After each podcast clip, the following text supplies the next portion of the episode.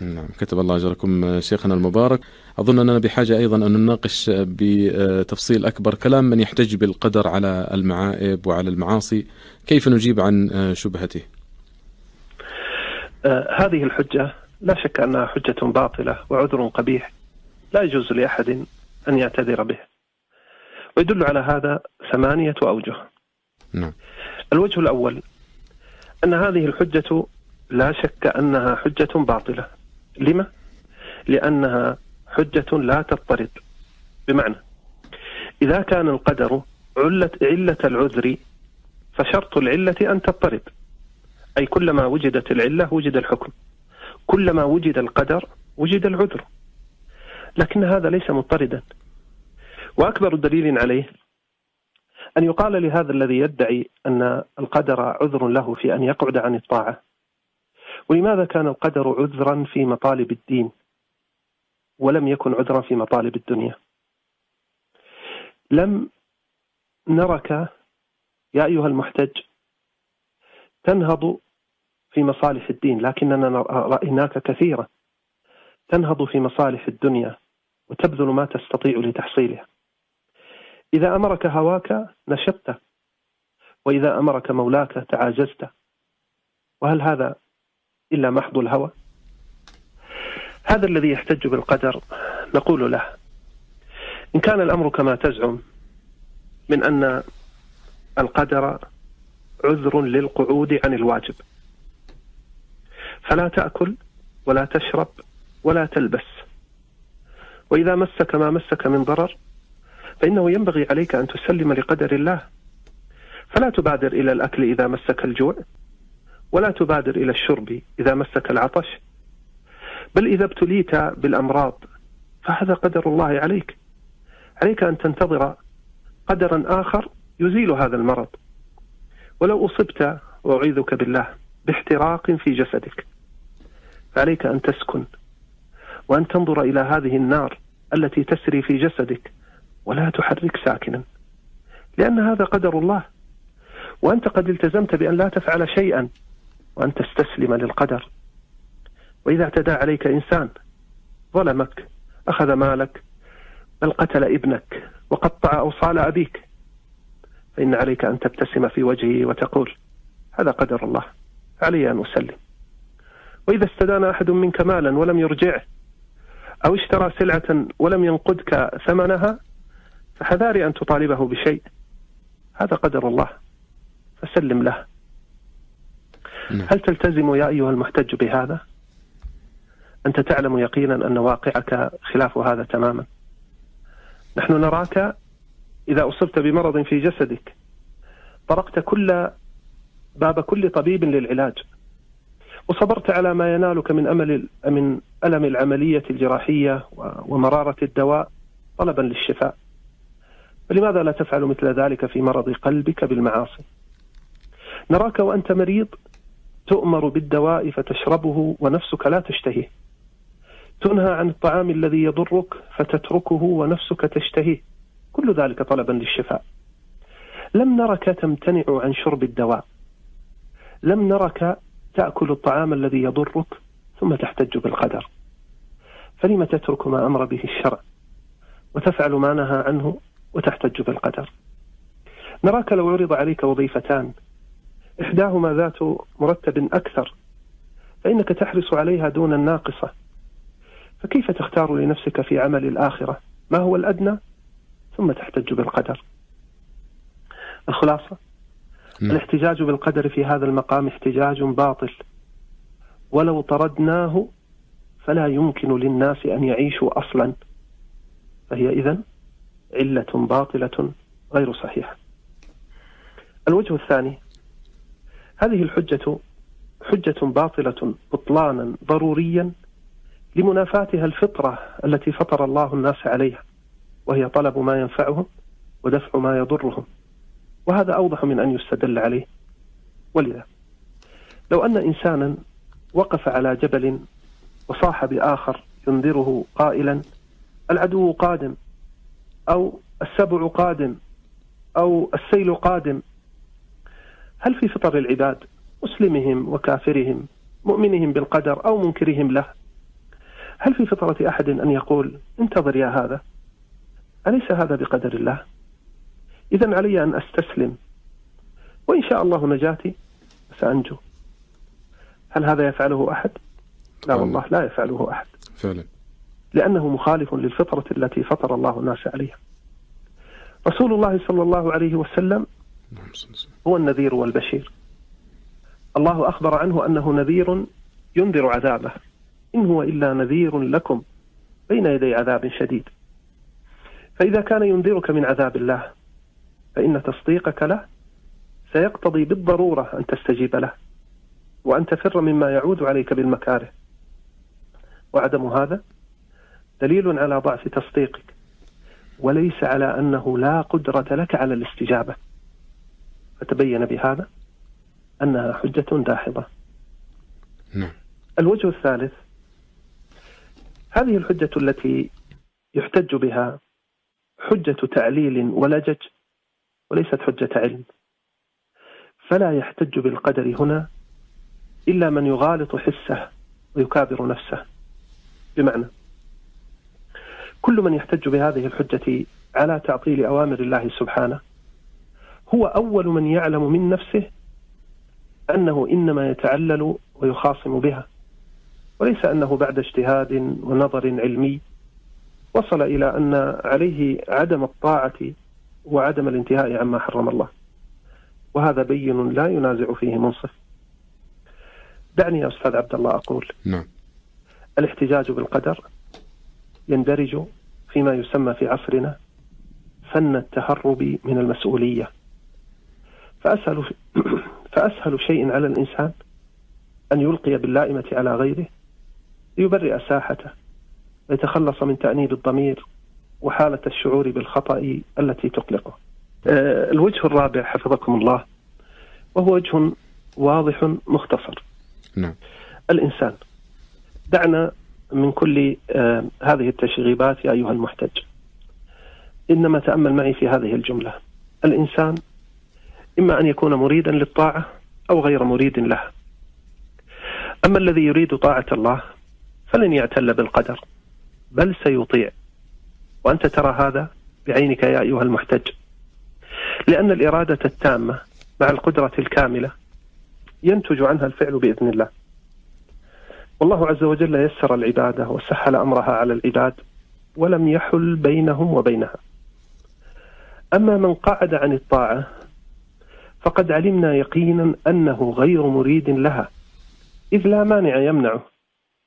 ولو اعتل بالقدر فإننا نعلم أنه كاذب في دعواه ولا عذر له. إذا لا تغالط يا أيها المحتج بالقدر نفسك. أنت غير مريد للطاعة. ضع الأمور في نصابها وسمها باسمها.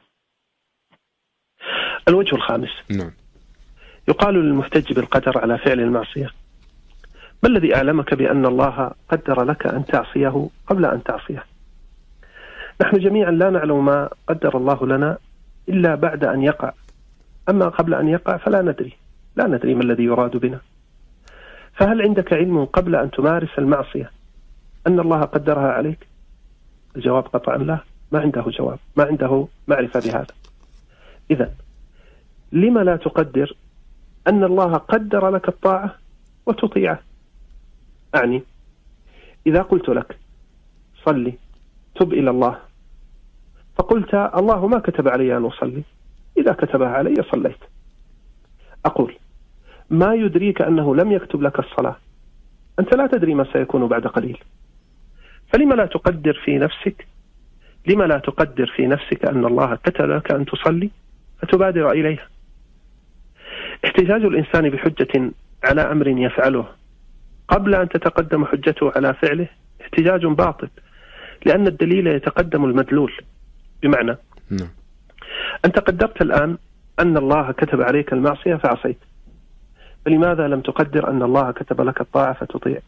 القدر سر مكتوم لا يعلمه إلا الله. ولا نعلم ما قضى الله وقدر إلا بعد الوقوع. فإذا كنت أقدمت على المعصية بزعم أنك مستسلم للقدر فلم لا تعكس الأمر؟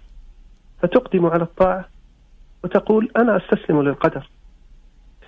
ألست لو ذكر لك أن للمدينة التي تريد الوصول إليها طريقين؟ الأول معبد آمن والثاني صعب مخوف.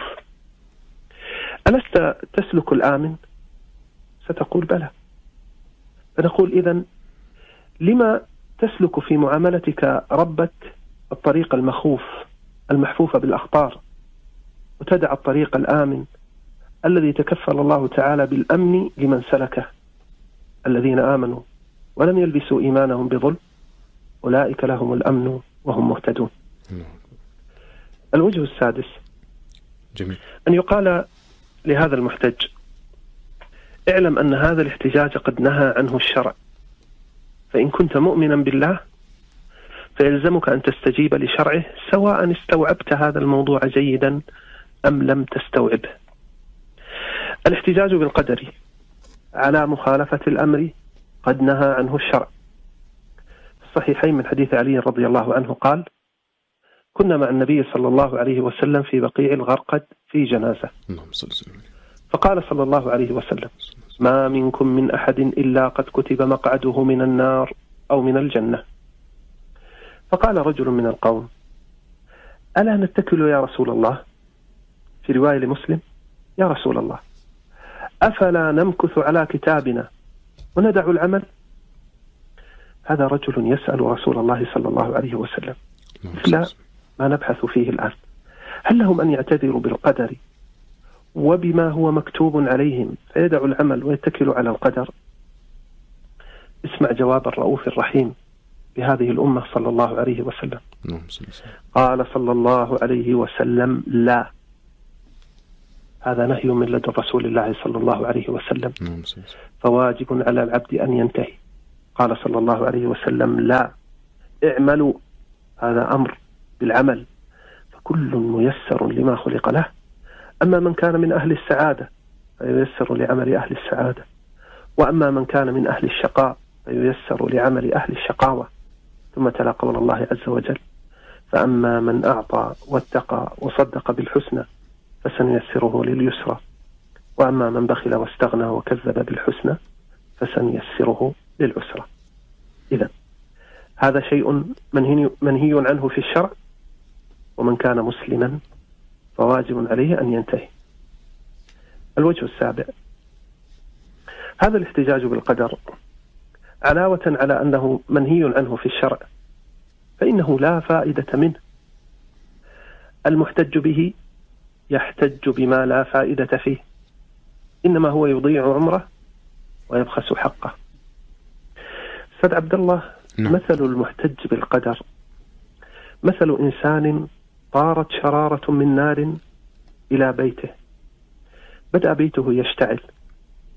قيل له أدرك البيت وأطفئ النار. فقال انتظروا. هذه الشرارة أليست من قدر الله؟ إذا لابد أن أنتظر حتى يأتي قدر من الله يطفئها فجلس فاحترق بيته. هل هذا يا أخي الكريم يفعله عاقل؟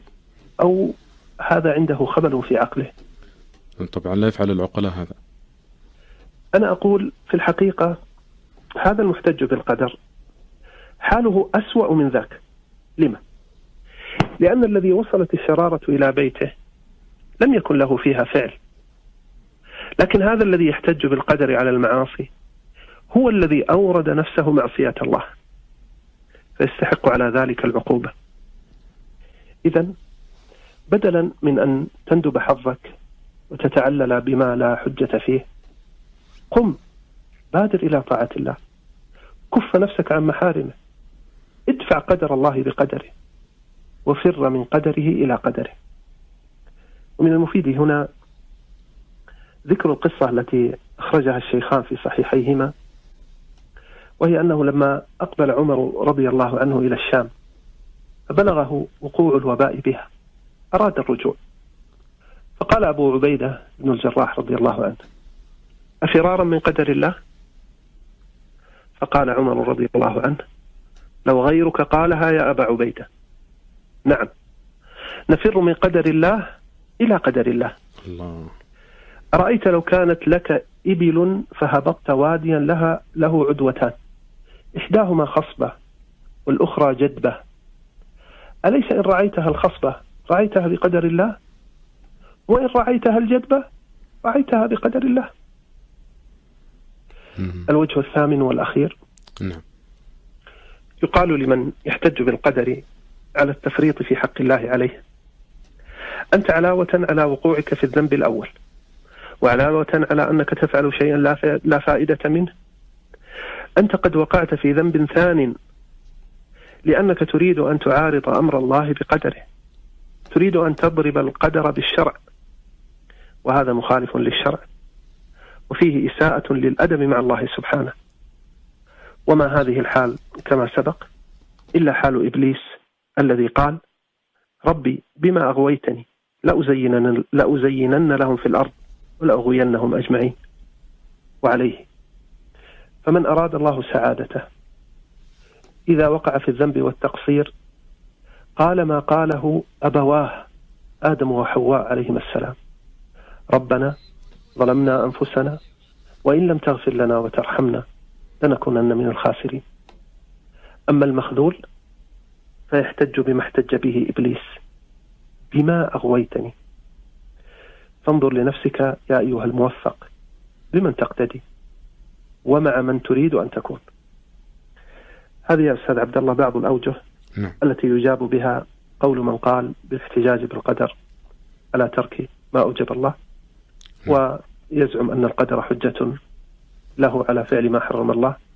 أسأل الله عز وجل أن يبصرنا في بدينه اللهم وأن يجنبنا مسالك الهوى. الله أعلم.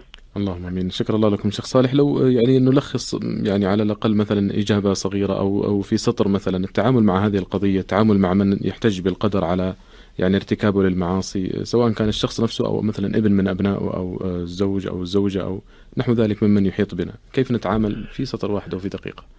أنا أقول حفظكم الله من أحسن الأوجه التي تبين يعني هذا المقام آه الوجه الأول لأنه مقنع تماما.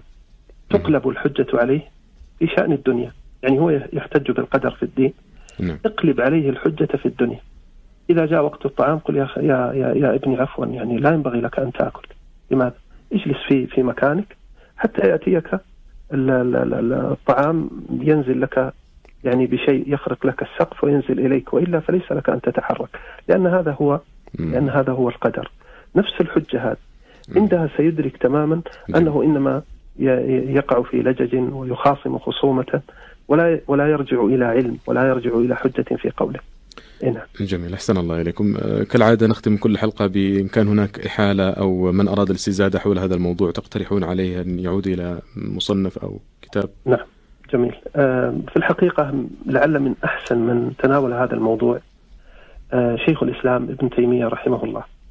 من أراد الفائدة وكان طالبا لها نعم. إني اوصيه بالرجوع إلى رسالة قيمة صغيرة له عنوانها الاحتجاج بالقدر. نعم. آه، مطبوعة مفردة وموجودة على الشبكة وموضوع موجودة أيضا في مجموع الفتاوى في المجلد الثامن مجموع فتاوى شيخ الإسلام في المجلد الثامن من صحيفة 303 إلى 370 آه، إن كنت تريد الفائدة هذه الرسالة تشفيك وتكفيك بإذن الله. شكر الله لكم فضيلة الشيخ الأستاذ الدكتور صالح بن عبد العزيز سندي أستاذ العقيدة بالجامعة الإسلامية وضيف هذا البرنامج المبارك. وشكر الله لكم وأحسن الله إليكم. في أمان الله. السلام عليكم ورحمة الله. وعليكم السلام ورحمة الله وبركاته.